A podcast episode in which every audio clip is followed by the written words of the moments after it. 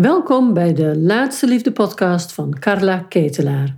In iedere aflevering geef ik je mijn inzichten en adviezen over waarom het tot nu toe niet gelukt is en wat er nog nodig is, zodat jij ook jouw eindman of eindvrouw in je armen kunt sluiten voor die relatie die je zo graag wilt. Vandaag neem ik je mee naar hoe selecteer je nou precies, waar let je wel op, waar let je niet op bij het zoeken naar een nieuwe partner. De aanleiding is een vraag van iemand die een fijne relatie heeft, of beginnende relatie. Die is heel blij met mijn boek en ook met de zes karaktereigenschappen. En wat zij schreef is: Ik heb het eigenlijk heel fijn samen. Van de zes eigenschappen heeft hij de vijf, absoluut. En de zesde, de emotionele openheid. Nou, dat is toch best een dingetje tussen ons. En zij vroeg zich af: hoe zwart-wit moet je nu die zes karaktereigenschappen zien? Zo zwart-wit is het toch niet, zei ze. En ze zei ook iets wat ik wel interessant vond. Moeten we als vrouw niet accepteren dat mannen sowieso emotioneel geslotener zijn? Nou, daar wil ik graag op ingaan en ik doe dat aan de hand van de zes karaktereigenschappen. Ik neem dan alle eigenschappen mee. Ik, ben, ik word een beetje afgeleid, ik ben een beetje verkouden, ik ben een beetje aan het kuchen en aan het snotteren. En af en toe hoor je dat. Ik ben wel heel blij om hier wat over te vertellen. Ik heb ook mijn boek er even bij gepakt. Want op bladzijde 179 vertel ik uitgebreid over de eigenschappen en waar je nu precies op let. Ik maak een duidelijk onderscheid tussen persoonlijkheidskenmerken en karaktereigenschappen. Nou, wat noem ik nou een persoonlijkheidskenmerk? Dat is eigenlijk waar we bijna altijd op selecteren. Dan zeggen we ja, maar hij dit en maar hij dat. Dus we selecteren vaak op nou, ik ga het even noemen, wat had ik allemaal? Dus de eigenschappen waar wij kritisch op zijn, dat zijn heel vaak de dingen die over het uiterlijke leven gaan. Dat noem ik de persoonlijkheidskenmerken. Dus wat doet hij, wat heeft hij, welk werk, zijn huis, zijn hobby's, uiterlijk, geld, uitstraling, interesse, sport, vakanties. Dat gaat eigenlijk veel meer over voorkeuren, wensen en gewoontes. Het is wat iemand doet, wat iemand leuk vindt, waarin hij geïnteresseerd is of hoe hij eruit ziet. Het mooie van persoonlijkheidskenmerken is eigenlijk dat wij, als we hierop selecteren, echt het gevoel hebben dat dit heel belangrijk is en ook een soort van, ja, dat zijn sleuteldingen in een relatie. Maar dat is helaas niet waar. Want dit soort dingen zijn allemaal nog te veranderen. Werk kan veranderen, wonen kan veranderen, iemand die rookt kan stoppen, iemand die overgewicht heeft kan afvallen. Kinderen gaan uiteindelijk uit huis. Eh, er, zijn altijd, er is altijd verandering in de situatie als het over persoonlijkheidskenmerken gaat. Veranderingen zijn daarin mogelijk. Nu is het helaas zo dat we heel kritisch zijn op deze zaken, op persoonlijkheidskenmerken, maar te weinig kritisch op zaken die er heel erg juist toe doen. En dat zijn de karaktereigenschappen. En dat zijn eigenlijk kwaliteiten die iemand heeft, de kenmerken die gaan echt over iemands innerlijk.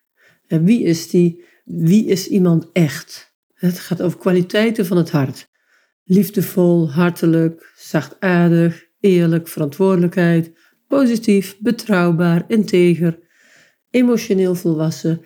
Dat is wat iemand is. En meestal kom je niet in het eerste contact achter, daar heb je echt wel één of twee afspraken voor nodig. En deze karaktereigenschappen, die bepalen uiteindelijk hoe iemand met zichzelf, met jou en ook met jullie eventuele kinderen omgaat. Dus die deze eigenschappen leer je zo in de nou, eerste vier, vijf afspraken. Heb je die, kun je die wel helder hebben of iemand die heeft. En waarom het zo belangrijk is dat iemand ze heeft, als je één of meerdere van deze eigenschappen echt heel laag scoort, en als we het even over scoren hebben, nou laten we zeggen op een lijn van 0 tot 0 tot 10. 0 is helemaal niet en 10 is perfect in orde. Nou, als je, het is altijd interessant om jezelf ook eens even op die lijn te zetten. Waar zit ik met de karaktereigenschappen? Hè? We gaan, ik ga ze zo even voor je opnoemen. Waar zit ik met die karaktereigenschappen? Zit ik op 0? Zit ik op 5? Of ga ik richting 10? Daar ergens in die marge. Zit je met meerdere eigenschappen echt onder de vijf, dus drieën, ene, drieën, vieren, dan heb je daar echt nog wat te ontwikkelen. Ben je nu met een man en je bent die karaktereigenschappen aan het checken, kijk dan ook eens waar jij gevoel hebt dat de ander zit. Ik zal er zo nog even wat meer over vertellen. Nou, en wat ik in grote lijnen zie, is dat we dus heel vaak te weinig kritisch zijn op die karaktereigenschappen. Dus heel kritisch op de persoonlijkheidskenmerken, op de buitenring, en te weinig kritisch op de binnenring. De eigenschappen waar het echt over gaat. Zo belanden we heel vaak in relaties die gewoon niet goed voor ons zijn. En dit is ook het stukje waarin ik vaak zeg: goede liefde is 50% gevoel, maar ook 50% verstand. Gezond verstand. Weet je, als we helemaal ons gevoel volgen, dan vergeten we heel vaak de karaktereigenschappen. Want dan is iemand, iemand is charmant, of uh, een vrouw is een verleidster, of nou, heel erg in die extreme kant om de ander te versieren. Dat is natuurlijk allemaal heel leuk en aardig, maar dat gaat heel vaak over onzekerheid, over uh, toch iets zoeken wat in je oude, wat je tekort bent gekomen. Dus dat gevoel volgen is vaak niet de beste weg. En daarom zeg ik altijd: neem die 50% gezonde verstand erbij. En we hebben mooie karaktereigenschappen die we kunnen checken in onszelf en bij de ander. En laten we daar gebruik van maken. Het gaat je echt heel veel ja, problemen en gezeur in de relatie schelen als je van tevoren ongeveer weet met wie jij aan het daten bent.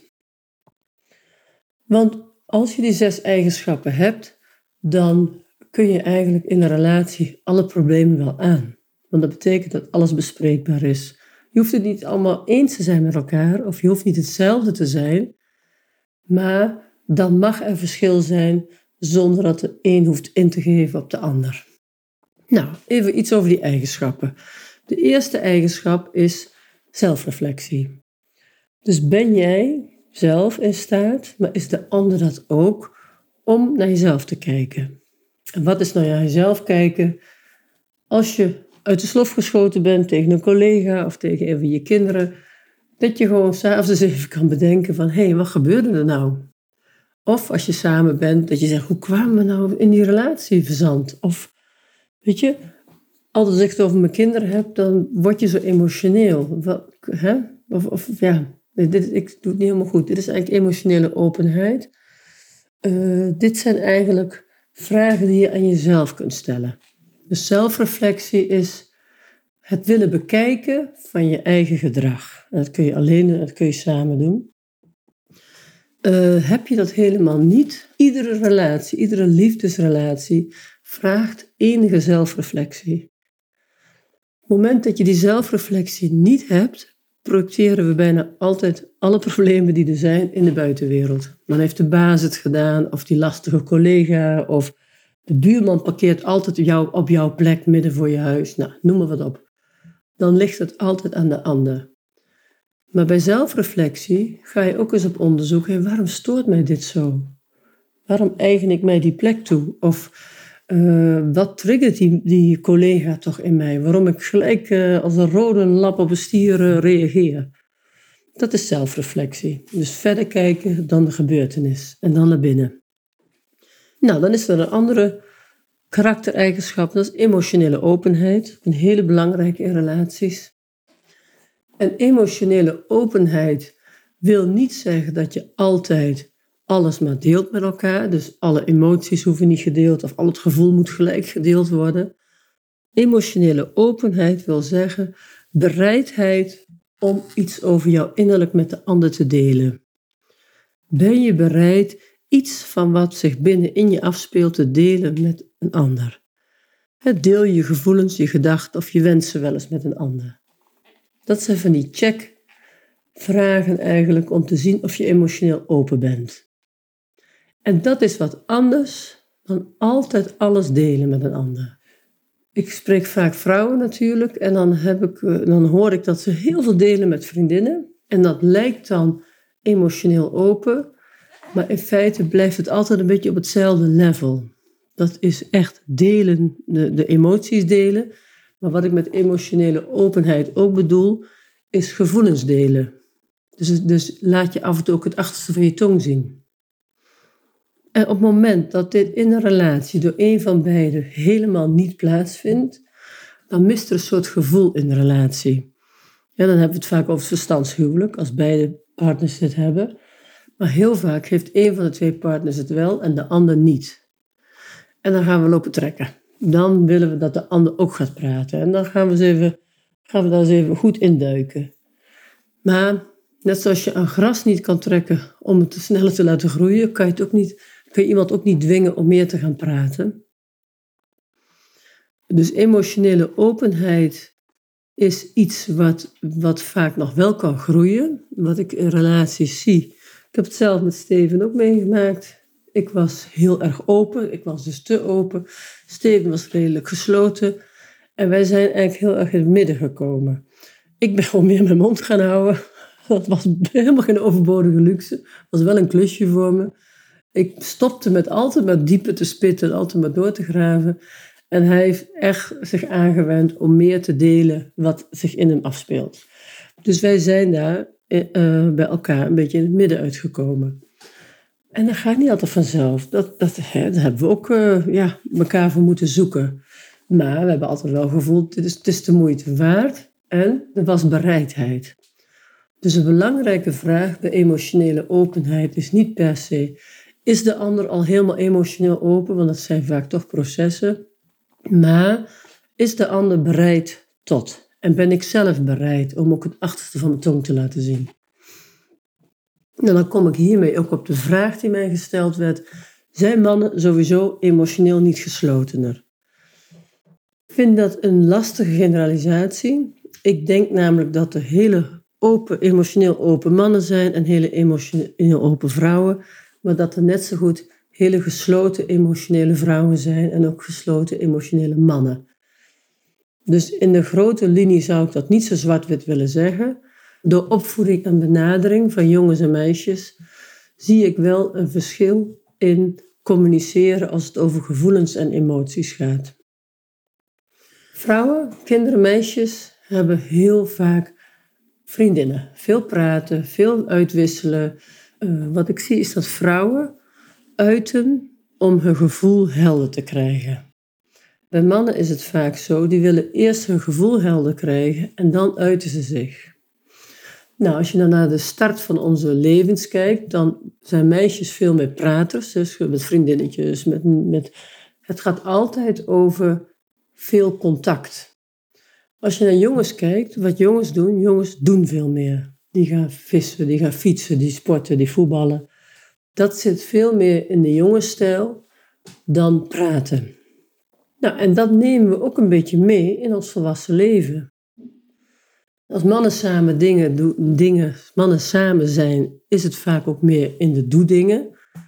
Uh, en vrouwen zitten veel meer op terrassen, bijpraten, shoppen en kletsen en sporten en kletsen. En dat zit veel meer in het vrouwenstuk, omdat we daarmee ook ons, uh, ja, onze mening vormen, ons gevoel vormen. Ons, ja, we hebben veel meer de ander nodig om dat te vormen in onszelf. En bij mannen is dat toch een andere ontwikkeling. En bij mannen doen dat, denk ik, iets meer alleen in zichzelf en komen er dan mee naar buiten. Het probleem alleen is zo dat wij als vrouwen toch een beetje denken dat wij dat beter kunnen. En misschien kunnen we het ook wel beter, maar het wil niet zeggen dat de ander daarmee iets fout doet. Het gaat erom dat we erkennen dat het anders is. Ik denk dat voor heel veel mannen dat snelle vrouwen, dat vrouwenpraat wat zo snel gaat, vraag na vraag, gewoon ook heel lastig is.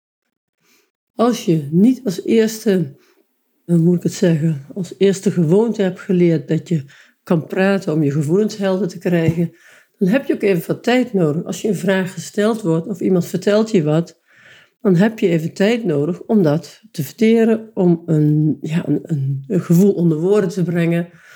Maar als vrouw zijn we toch vaak veel sneller en dan komt er al een volgende vraag of we hebben al een mening. Ik denk dat veel mannen dit herkennen en dat dat niet altijd even makkelijk is en dat ze daarmee wel eens snel weggezet worden als emotioneel gesloten. En ik zou als vrouw, als je een snelle vrouw bent, gewoon eens willen uitnodigen, zit eens wat terug. Vertel eens wat kleins over jezelf, emotioneel, open, iets kwetsbaars. En vraag dan ook eens, goh, en hoe is dat voor jou? En wacht dan eens even. Dus het wil niet zeggen dat als je een van de twee emotioneel het moeilijk vindt om dingen te delen, dat je niet geschikt bent voor een relatie. Maar ben je bereid om daar eh, wel wat mee te doen? Om dat meer te worden of om te kijken hoe kunnen we dat samen meer krijgen? Dus de vraag, zijn mannen sowieso niet emotioneel gesloten? Nee, dat denk ik niet. Ik denk dat, ze op een andere, ik denk dat mannen op een andere manier communiceren. En dat we daarmee moeten stoppen dat dat niet goed is, maar dat het anders is. En de persoon die zegt van, ach, maar jij doet het zo moeilijk, of uh, ja, daar heb ik helemaal geen zin in. Je hebt echt mensen die zijn emotioneel op slot. En als je een date hebt met iemand die emotioneel ook op jouw vragen of op dingen die jij zelf deelt, helemaal niet thuis geeft, dan moet je echt afvragen of je verder wilt gaan met iemand. In een relatie waar, een, waar zelfreflectie of emotionele openheid heel erg laag is of heel arm, schraal, ja, dan ga je eenzaam worden. En een eenzaamheid is niet wat je, waarom je een relatie wilt. Dan hebben we integriteit. En integriteit is eerlijk en oprecht zijn. Dus is iemand betrouwbaar? En als je met iemand aan het daten bent en in de tweede afspraak heb je twijfels, ik durf dan bijna wel te zeggen, wees dan echt wees op je hoede. Ga het uitzoeken of het klopt, of dit het breekpunt is of niet. Meestal als je aan het afspreken bent, ik stel deze vraag heel vaak in mijn programma aan vrouwen en dan zeg ik van, nou, vertrouw je hem? is dit nou, uh, zit er een dubbele agenda in? En je kunt heel vaak met, ik kan zo vaak zien, dan zegt iemand, nou, 100%. Nou, helder. Of uh, dan duurt vaak het antwoord even. Mm, mm, ik weet het nog niet. Nou, dan is het heel erg belangrijk om te kijken naar je eigen verleden. Heb je eerder onbetrouwbaarheid meegemaakt? Ben je misschien bevooroordeeld? Dus hier is die zelfreflectie weer nodig. Ligt het in mij dat ik heel veel mensen niet vertrouw? Of heel vaak mannen niet vertrouw? Dus dan heb je dat eerst te onderzoeken. Maar heb jij daar niks in het verleden en jij twijfelt aan de eerlijkheid, dan zou ik dat gewoon volgen. En niet dat je niet meer gelijk af moet spreken, maar wel dat je dat meeneemt als, dan moet ik nog eens even goed opletten hoe dat zit. Kloppen zijn verhalen? Wat hij nu zegt, vertelt hij dat over twee keer ook nog? Even kijken wat ik erover geschreven heb. Ja, zijn je emoties echt, heb ik er ook bij gezet. Wat je heel vaak ziet, is dat ehm, emoties, dus echt uh, snelle emoties allemaal, dat dat snel, dat dat aangezien wordt voor gevoelens, voor emotionele openheid. Maar ik noem het ook wel krokodillentranen. Wees daar ook alert op. Iemand die heel makkelijk heel veel over zijn gevoel deelt, heel emotioneel is, is ook nog, dat kan ook nog gebrek aan volwassenheid zijn. Dat is het vierde punt. Even kijken, dus waarom is eerlijkheid zo belangrijk? Als een van de twee partners niet betrouwbaar is, kun je niet kwetsbaar zijn. Of dan is kwetsbaar zijn heel gevaarlijk. En dat is niet wat je wil. Je wilt gewoon ja, je hart kunnen openen. Dus integriteit en eerlijkheid is heel erg belangrijk voor een gelijkwaardige relatie. Nou, dan de vierde eigenschap is volwassenheid en verantwoordelijkheid. Wat is nou volwassenheid? Heb je een aangenaam leven voor jezelf gecreëerd? heb, jij, heb je het gewoon, ja, moet ik wel zeggen, aangenaam leven voor jezelf? Dat betekent dat je het ook zonder partner al redelijk goed hebt. Dus niet dat je alle avonden je heel eenzaam voelt of dat je altijd anderen nodig hebt om je goed te voelen. Een goed leven voor jezelf en volwassenheid is zelfstandig zijn in jouw leven. 100% verantwoordelijkheid nemen voor jouw eigen gevoelens. En dat betekent dat je dus ook als je af en toe, uh, als je een somberheid hebt of als je je alleen voelt, dat je weet, hé, hey, ik moet even die vriendin bellen of ik moet uh, avondje lekker in bad, ik moet vroeg naar bed. Dat je echt jezelf ook kunt herpakken en weer kunt, ja, gewoon verder kunt met het leven. Heb je dat helemaal niet en heb je echt anderen altijd nodig, dan mis je een stukje volwassenheid. Deze karaktereigenschap zie ik heel vaak de hunkering van de jongetjes en de meisjes die op datingsites staan. Dan zijn we wel volwassen mannen en vrouwen, maar die hunkering gaat er doorheen.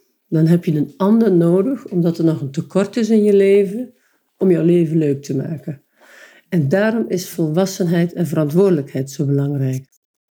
Houd je aan je afspraken, neem je de verantwoordelijkheid in je leven. Dus neem je ook de verantwoordelijkheid voor jezelf. Als je dat namelijk al doet, dan ga je ook de verantwoordelijkheid nemen voor de relatie. Mensen die geen verantwoordelijkheid nemen voor hun eigen leven, die zijn niet goed in het onderhouden van een relatie. Want dat vraagt ook een verantwoordelijkheid. Wil ik me inzetten dat het goed gaat tussen ons en wil ik daar moeite voor blijven doen? En is er plek voor je eigen kinderen of voor de kinderen ook van je toekomstige partner, als dat zo zou zijn? En hebben we zelfvertrouwen, dat is de vijfde eigenschap. En dat gaat over of je grotendeels tevreden bent over jezelf. Je kan best, ik weet niet hoe het bij jou is, maar ik ben niet 100% happy, de peppy. Ja, eh, er zijn altijd wel dingen waarvan ik denk, nou, mag het een tandje minder, Carla? Of, uh, nou, het zou leuk zijn als ik dat of zus of zo kon.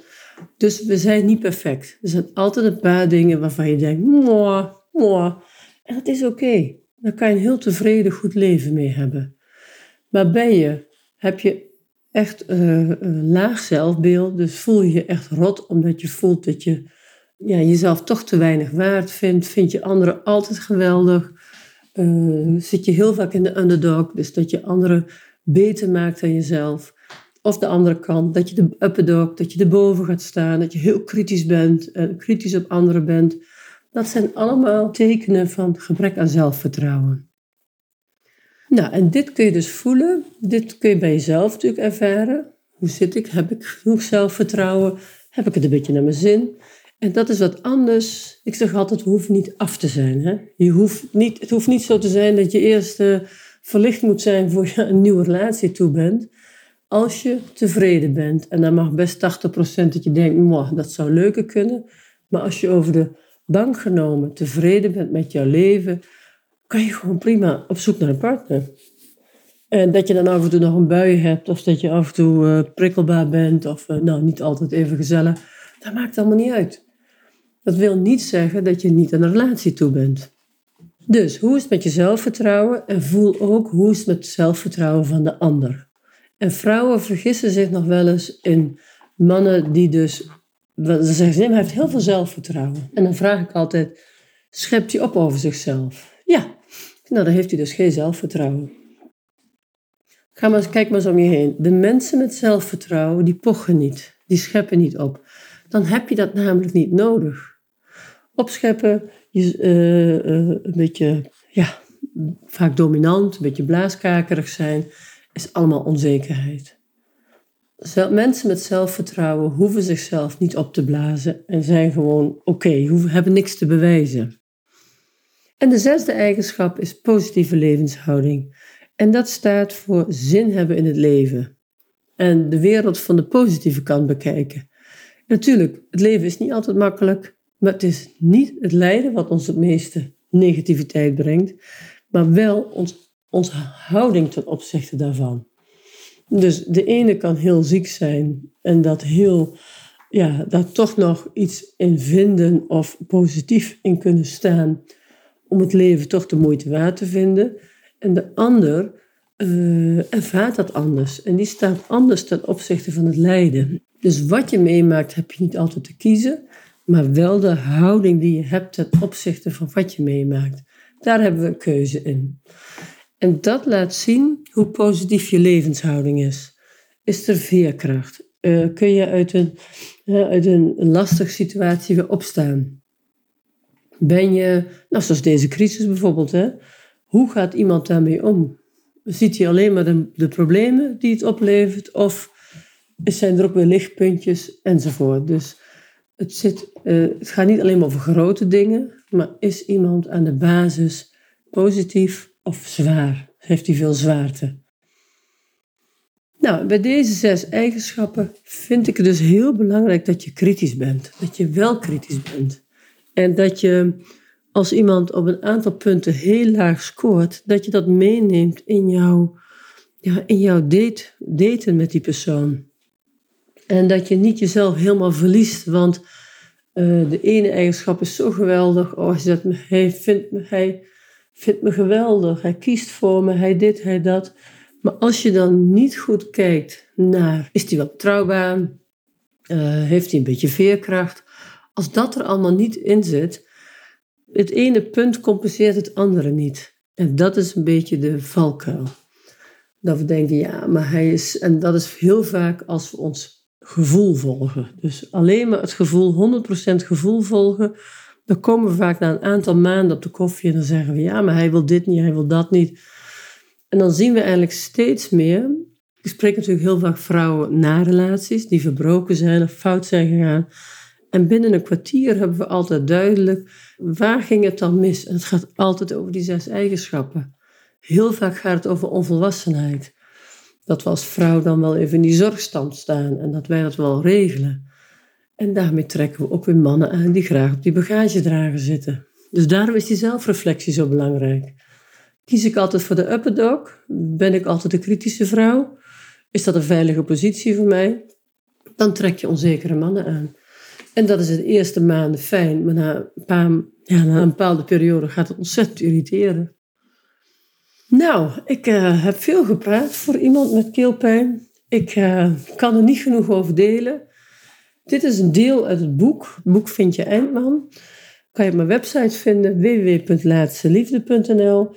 Hier valt nog veel meer over te zeggen. En ik wil je uitnodigen als je een vraag hebt hierover je zou er wat meer over willen weten, of, of iets anders uit mijn boek, of over de liefde, over relaties, stuur me een mailtje naar support.laatsteliefde.nl. Daar kan je je vragen kwijt.